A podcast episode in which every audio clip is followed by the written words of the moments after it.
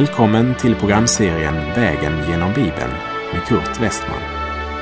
Vi befinner oss nu i Första Korintierbrevet. Slå gärna upp din bibel och följ med. Programmet är producerat av Norea Radio Sverige. Vi avslutade förra programmet med att påminna om att Jesus sagt att den som vill vara störst bland er ska vara de andras tjänare. Och Paulus underströk att ingen ska söka sitt eget bästa, utan var och en den andres. Och med det som utgångspunkt så bör vi sträva efter de nådegåvor som är störst. För vi behöver helheten i Guds rådslut för att veta vad som är bibelsk lära. Och när vi nu kommer till kapitel 13 i Första Korinterbrevet så vill jag att du ska lägga märke till hur gripen Paulus blir när han börjar tala om kärleken. Och vi inser ganska snart att han inte talar om kärleken som en moralisk eller religiös prestation från vår sida. Men som han uttrycker det i Romarbrevet 5.5, ty Guds kärlek är utgjuten i våra hjärtan genom den helige Ande som han har gett oss. Och dessa två saker bör vi ha i våra tankar när vi nu vandrar genom första Korinthierbrevet 13, som också kallas kärlekens kapitel. För det första Guds kärlek, för det andra den helige ande som han har gett oss. Och vi ska vara klar över att det här kapitlet ger oss inte en definition av kärleken, och ibland kan ju definitioner vara destruktiva och ödeläggande. Att försöka definiera kärleken ville vara att förgripa sig på det här kapitlet. Och här möter jag åter denna skriftens dubbelhet. Å ena sidan så känner jag mig fullständigt okompetent att vägleda dig genom detta förunderliga kapitel. Och samtidigt vill jag citera Hugo Odeberg som sa det är knappast något kapitel av Pauli brev som så lite är i behov av utläggning som första Korinthierbrevet 13.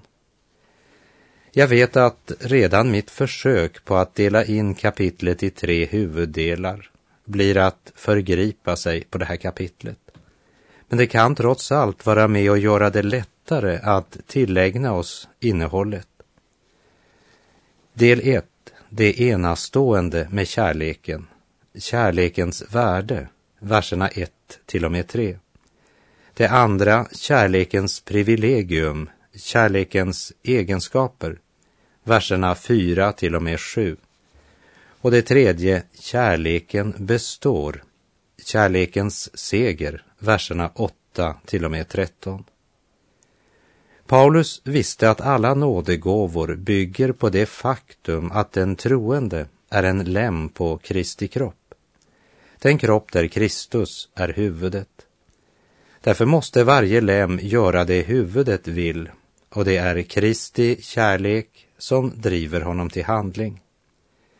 Kapitel 12 avslutades med orden men sträva efter de nådegåvor som är störst och jag vill visa er en ännu bättre väg.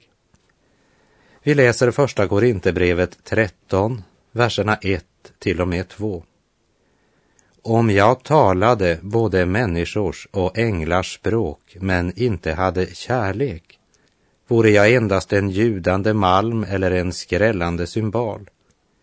Och om jag ägde profetisk gåva och kände alla hemligheter och hade all kunskap och om jag hade all tro så att jag kunde förflytta berg men inte hade kärlek så vore jag ingenting. Kärleken omfattar både hjärta och förstånd. Det tragiska i många så kallade bibeltrogna församlingar är att man har stor kunskap om Bibelns sanningar men saknar kärlek. Och utan kärlek hjälper det inte om jag hade all kunskap. Livet i Gud är något mera än teori. Samtidigt måste vi säga att kärleken ser aldrig mellan fingrarna med synden. Att ursäkta synden är inte kärlek, men liberal teologi. Men om jag än är motståndare av liberal teologi och har så stor tro att jag kan flytta berg, så är jag ändå ingenting om jag inte har kärlek. För det är klart att den tro som eh, kan förflytta berg väcker uppmärksamhet, det är klart. Men den som söker de mest synliga nådegåvorna för att väcka uppmärksamhet kan nog uppnå det målet att han får uppmärksamhet, men det är också allt. För församlingen får ingen verklig hjälp av det. Vers 3.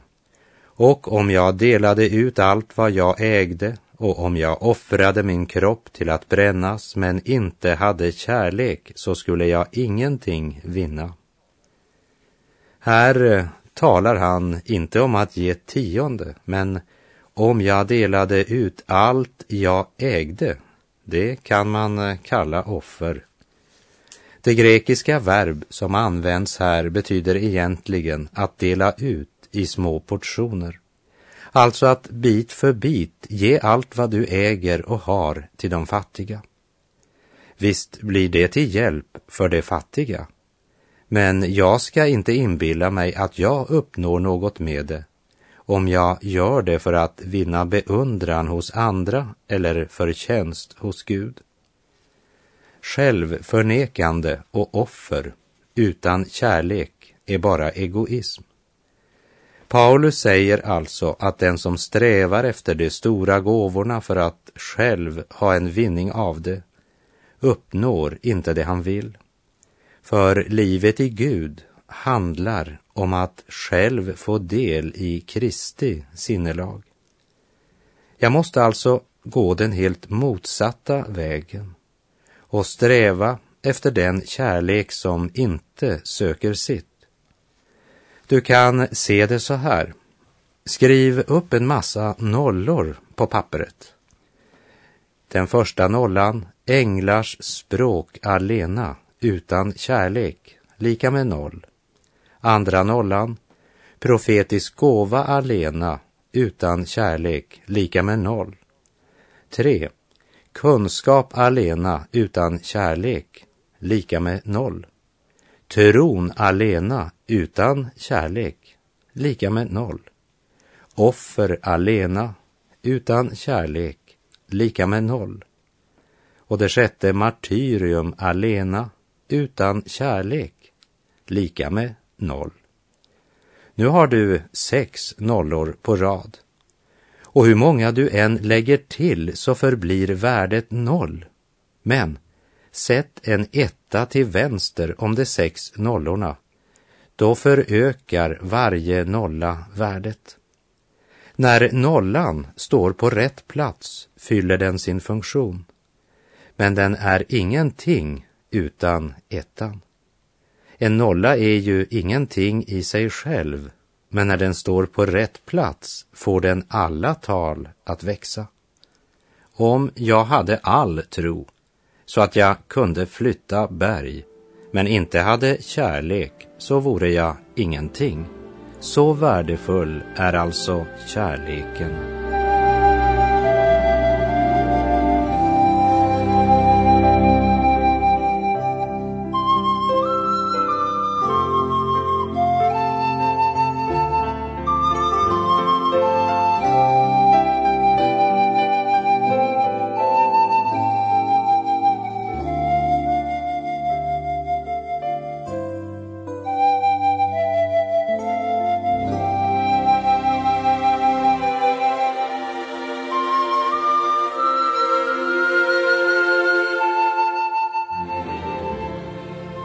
Kapitlets andra del handlar om kärlekens privilegium, kärlekens egenskaper.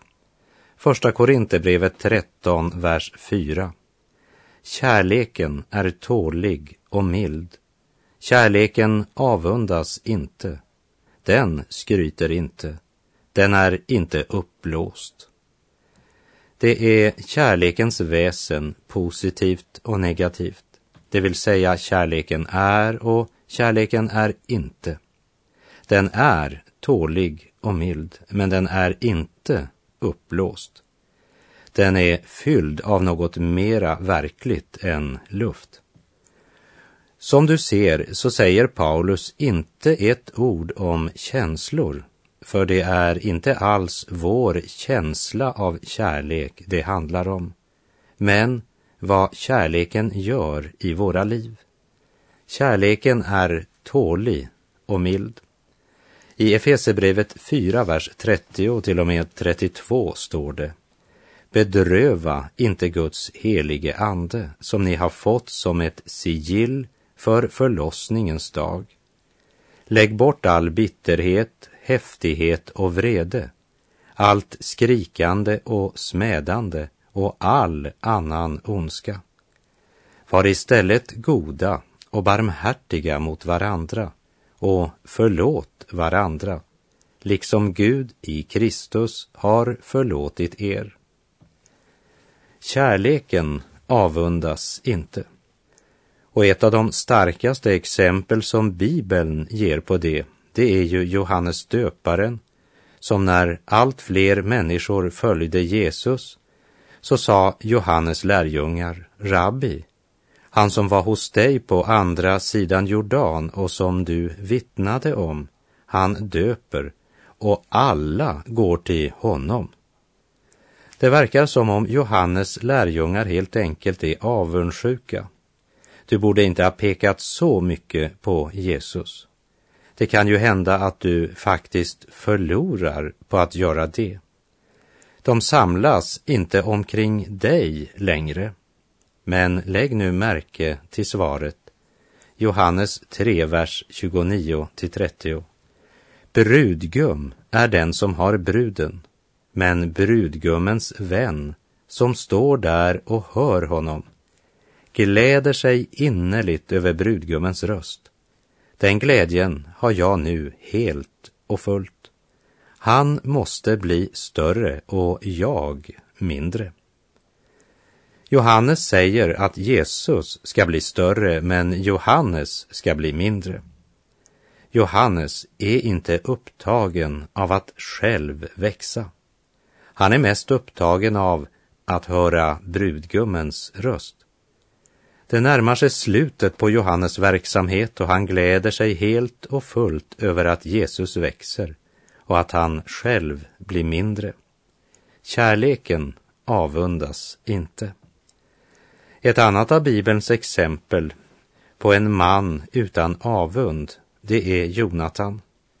Han var kronprins, men han varken missunnar eller avundas David, fast han visste att David skulle överta tronen, som du minns från vår vandring genom Samuelsböckerna.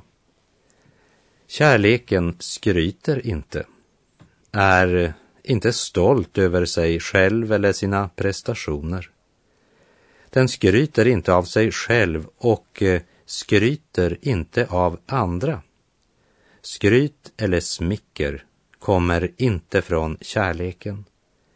Medan kärleken däremot ärar andra, men den skryter inte. För kärleken vandrar värdigt och visar respekt både för sig själv och för andra, men den skryter inte. Vers 5. Den uppför sig inte illa, den söker inte sitt, den brusar inte upp, den tillräknar inte det onda. Kärleken söker inte sitt. Kärleken undersöker motiven bakom våra handlingar. Varför gör jag detta? Vad driver mig? Ja, ju äldre jag blir, ju mera ransakar jag mina egna motiv. Vers 6. Den gläder sig inte över orättfärdigheten, men har sin glädje i sanningen. Vad är det som ger mitt hjärta glädje? Det går an att dra nytta nytta av andra människors fusk, även om jag inte själv vill göra mig skyldig till det. Men så gör aldrig kärleken. Den drar aldrig nytta av orättfärdigheten. Det är inget smussel hos kärleken, för den har sin glädje i sanningen. Vers 7.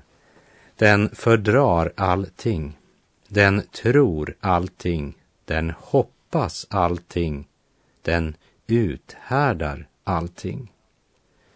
Vi kan säga att kärleken låter solen skina på andra. Och när det regnar så slår den upp sin paraply över andra. Att kärleken tror allting betyder inte att den är dumsnäll, utan det betyder att den inte ser misstänksamt på andra. I sin stora barmhärtighet har Gud genom Jesu Kristi uppståndelse från de döda fött oss på nytt till ett levande hopp. Därför kan inga yttre omständigheter släcka vårt hopp, för vårt hopp lever. Han vi hoppas på är uppstånden. Vi har ett levande hopp. Därför hoppas kärleken i alla situationer. Den hoppas allting och den uthärdar allting. Kristen tro är inte verklighetsflykt, men kristen tro är att under alla livets situationer fly till honom som är en levande verklighet.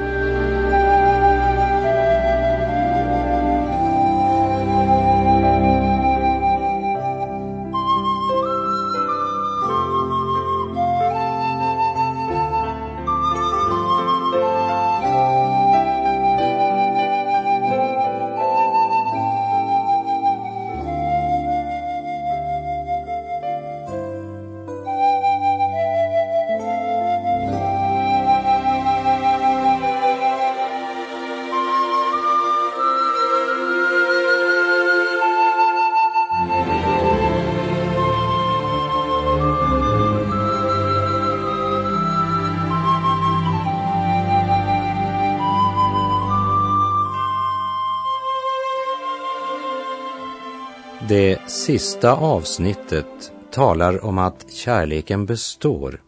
Det är alltså ett avsnitt om kärlekens seger. Första Korinthierbrevet 13, vers 8. Kärleken upphör aldrig, men profetiorna skall upphöra och tungomålstalen ska tystna och kunskapen skall förgå. Det enda som består är tron, hoppet och kärleken. Men störst av dem är just kärleken. Bland trons gåvor så är det kärleken som är oförgänglig. Kärleken upphör aldrig. Profetiorna ska upphöra en dag och tungomålstalen skall tystna en gång. Till och med kunskapen ska förgå, men kärleken upphör aldrig, för den är evig. Här i tiden så ser vi bara styckevis och får också bara några glimtar av Guds härlighet genom profetior, erfarenhet och tungotal. Vi kan säga nog för detta liv. Men när det fullkomliga kommer förgår nådegåvorna, för de behövs inte längre då, eftersom det hör till det ofullkomliga. Men kärleken förgår aldrig. I första Johannes brev kapitel 4 och vers 16 står det. Och vi har lärt känna den kärlek som Gud har till oss och tror på den. Gud är kärlek och den som förblir i kärleken förblir i Gud och Gud förblir i honom. Vi läser första Korinterbrevet 13, verserna 9 till och med 12. Ty vi förstår till en del och profeterar till en del. Men när det fullkomliga kommer skall det förgå som är delat. När jag var barn talade jag som ett barn, tänkte jag som ett barn och förstod jag som ett barn. Men sedan jag har blivit man har jag lagt bort det barnsliga. Nu ser vi i en gåtfull spegelbild, men då ska vi se ansikte mot ansikte. Nu förstår jag endast till en del, men då ska jag känna fullkomligt, liksom jag själv har blivit fullkomligt känd. Paulus använder ett exempel från livet. Ett barn och en vuxen upplever inte världen på samma sätt. Det barnet upplever är inte fel, men det är begränsat till det lilla som ett barn kan förstå. Som vuxen får man del i allt detta på ett annat sätt. Även om det handlar om samma person och verkligheten är densamma, så blir ändå allt annorlunda när förmågan att ta emot blir annorlunda. Så är det också med nådegåvorna. Det ger oss bara det som vi kan ta emot medan vi är här i denna värld. Men en gång så förändras allt. När Paulus talar om spegeln så är det inte det dunkla eller att se oklart han tänker på. Men i en spegel ser du inte saken själv, du ser den indirekt. Men här i tiden ser vi en gåtfull spegelbild. Så är det med profetian, den är gåtfull och svår att förstå helt rätt. Profetian och andra gåvor är alltså inte vittnesbörd om vår fullkomlighet, men om vår ofullkomlighet. För vi kan ännu inte ta emot det fullkomliga.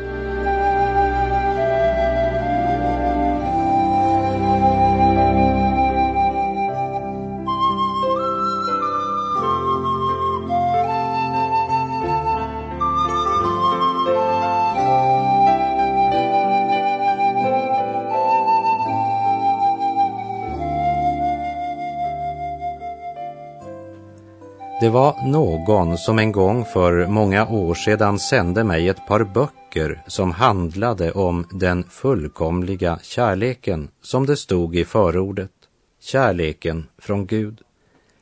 Och det var huvudsakligen med utgångspunkt i Första Korinterbrevet 13.